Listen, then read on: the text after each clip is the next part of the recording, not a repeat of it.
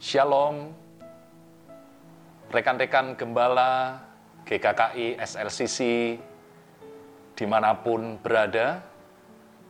Selamat pagi untuk seluruh rekan-rekan hamba-hamba Tuhan, baik para pendeta, pendeta muda, dan para penginjil di GKKI SLCC, juga seluruh jemaat Tuhan, keluarga besar Gereja Kasih Kristus Indonesia SLCC, di mana pun Bapak Ibu Saudara berada. Saya senang bisa menjumpai Bapak Ibu sekalian, sekalipun tidak bisa bertatap muka langsung, tetapi saya percaya bahwa kita semua saling mendoakan satu dengan yang lain. Secara khusus adalah ketika kita menghadapi masa-masa yang sulit yang kita hadapi bersama-sama dengan seluruh bangsa Indonesia. Saudara-saudaraku sekalian, ketika kita menghadapi masa-masa yang sulit seperti saat ini, sebetulnya kita tidak perlu berkecil hati. Karena kalau kita lihat di dalam Alkitab, dari kitab kejadian sampai kitab wahyu, semua kisah mujizat memiliki kesamaan, yaitu semua cerita atau kisah tentang mujizat itu selalu dimulai dengan adanya persoalan jadi adanya persoalan, adanya masalah, adanya tantangan yang kita hadapi bersama. Dengan sudut pandang iman, maka kita bisa melihat bahwa adanya persoalan, tantangan itu memberi kesempatan bagi Tuhan untuk melakukan mujizatnya. Itulah yang membuat kita tidak perlu takut dan khawatir. Saya tahu hari-hari ini pasti berat bagi kita semua, tetapi percayalah, kasih anugerah Tuhan itu cukup bagi kita. Di dalam Alkitab ada sebuah kisah yang saya yakin kita semua sudah sangat-sangat mengenal kisah ini. Yaitu ketika Yesus memberi makan 5.000 orang. Ada begitu banyak orang yang mengikuti Yesus. Dan hari sudah menjelang malam, tidak ada makanan bagi mereka. Dan Yesus menyuruh para murid untuk memberi makan kepada semua orang itu. Tetapi para murid, mereka melihat ketidakmungkinan di dalam kesulitan itu. Mereka berkata, bagaimana mungkin kita bisa memberi makan untuk sekian banyak orang. Tetapi saudaraku sekalian, berbeda dengan para murid yang melihat ketidakmungkinan di tengah persoalan. Yesus justru mencari orang-orang yang bisa mempercayai dia dengan penuh, maka itulah yang membuat Yesus akan bekerja. Itulah yang sebetulnya dikehendaki oleh Yesus untuk kita. Jangan lihat ketidakmungkinan di tengah-tengah kesulitan, tapi lihatlah bahwa Tuhan sanggup melakukan perkara-perkara yang ajaib kalau kita percaya kepada Dia.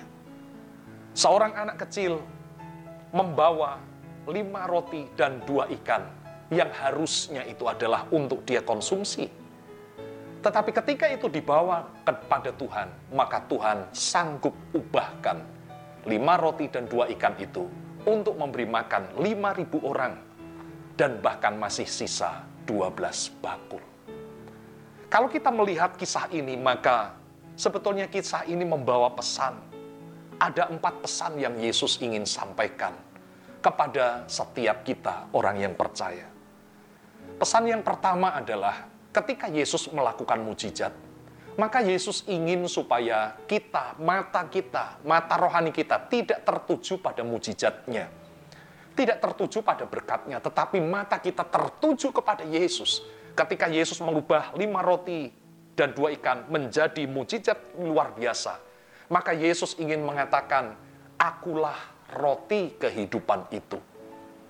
Saudara-saudara sama seperti 5.000 orang yang tidak kekurangan karena dipelihara, menerima mujizat dari Tuhan. Maka saya percaya ketika kita memandang terus kepada Yesusan roti kehidupan itu, maka rohani kita akan terpelihara dengan baik, dengan sempurna. Anda dan saya akan menjadi kuat selama kita terus memandang kepada Tuhan. Saya yakin di tengah-tengah kesulitan-kesulitan yang kita hadapi hari-hari ini, ada pertolongan-pertolongan Tuhan, ada mujizat Tuhan yang selalu Tuhan berikan kepada kita. Dan mujizat itu harusnya membawa kita melihat kepada sang sumber mujizat. Yesus yang adalah roti kehidupan itu. Pesan yang kedua yang Tuhan berikan lewat peristiwa Yesus memberi makan 5.000 orang dengan lima roti dan dua ikan itu adalah bahwa Yesus adalah Tuhan yang sanggup untuk melakukan mujizat apa pun. Tidak ada persoalan yang terlalu berat untuk Yesus selesaikan. Dan tidak ada persoalan yang terlalu kecil yang Yesus harus sepelekan. Yesus mampu melakukan mujizat apa pun. Apa yang sudah kita anggap tidak mungkin, Yesus sanggup lakukan itu. Mujizat-mujizat yang Yesus kerjakan itu untuk menunjukkan kepada kita bahwa bagi Tuhan tidak ada yang mustahil. Dan firman Tuhan berkata, tidak ada yang mustahil juga bagi orang yang percaya. Jadi ketika kita percaya, maka kita sedang bersinergi dengan Tuhan. Sinergi dengan Tuhan inilah yang membuat tidak ada yang mustahil bagi kita yang percaya. Pesan yang ketiga yang Tuhan berikan lewat peristiwa Yesus memberi makan 5.000 orang dengan lima roti dan dua ikan adalah bahwa Yesus sangat peduli dengan kebutuhan jasmani kita. Yesus pernah mengatakan, "Jangan kamu khawatir tentang apa yang kau makan, minum, dan pakai." Saudara, saya banyak mendengar beberapa rekan-rekan hamba-hamba Tuhan, gembala-gembala yang hidup di desa-desa, dan bahkan juga di kota, yang mereka mulai berseru berteriak karena mereka sedang menghadapi kekurangan. Siapa yang peduli? Saudara-saudaraku sekalian, Yesus peduli. Saya percaya Yesus tidak akan pernah mempermainkan kebutuhan kita. Yesus tidak pernah menganggap remeh kebutuhan jasmani kita. Yesus perhatikan itu. Ketika ada 5.000 orang yang sungguh-sungguh mencari Yesus sedang kelaparan, Yesus memberi makan kepada mereka.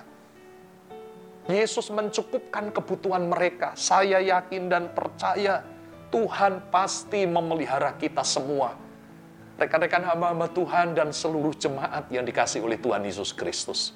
Saya percaya Tuhan pasti memelihara kita.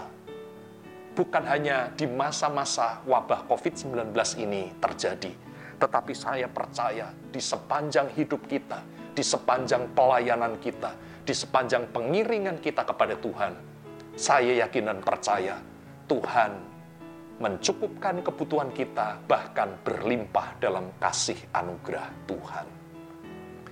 Lalu pelajaran yang keempat, saudaraku sekalian, dari peristiwa Yesus memberi makan 5.000 orang dengan lima roti dan dua ikan, adalah bahwa apa yang sedikit pada kita akan menjadi berkelimpahan ketika kita persembahkan kepada Tuhan dan diberkati oleh Tuhan.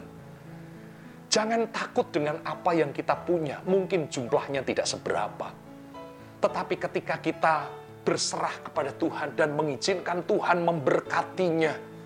Bahkan kita masih mungkin, kita masih dengan tekun memberikan persembahan kepada Tuhan, membantu dengan apa yang kita punya kepada orang-orang yang membutuhkan. Percayalah saudaraku sekalian.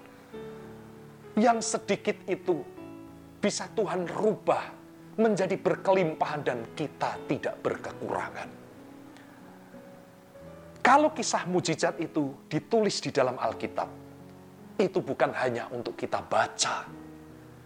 Tetapi saya percaya kalau dulu Tuhan lakukan mujizat itu, hari ini pun Tuhan bisa lakukan mujizat bagi saya dan saudara sekalian. Karena itu saya berpesan kepada seluruh rekan-rekan hamba-hamba Tuhan di Gereja Kasih Kristus Indonesia SLCC. Mari gembalakan jemaat dengan sebaik-baiknya. Mari kita terus bertekun di dalam doa.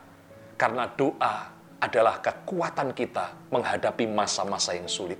Mari bersama-sama dengan jemaat, justru di tengah-tengah masa yang sulit ini, kita semakin bertumbuh iman kita, kita semakin mengasihi Tuhan, kita semakin mencintai Tuhan, dan kita semakin sungguh-sungguh lagi mengiring Tuhan. Saya selalu berdoa, setiap malam saya selalu berdoa untuk seluruh rekan-rekan hamba-hamba Tuhan yang ada di cabang-cabang, seluruh rekan-rekan hamba-hamba Tuhan yang melayani gereja kita, seluruh jemaat Tuhan GKKIS LCC di mana pun juga berada. Dan saya tahu kita semua sama-sama berdoa dan itulah kekuatan kita. Terus maju, tetap bersemangat, dan percayalah Tuhan ada bersama dengan kita. Tuhan memberkati kita semua. Amin. you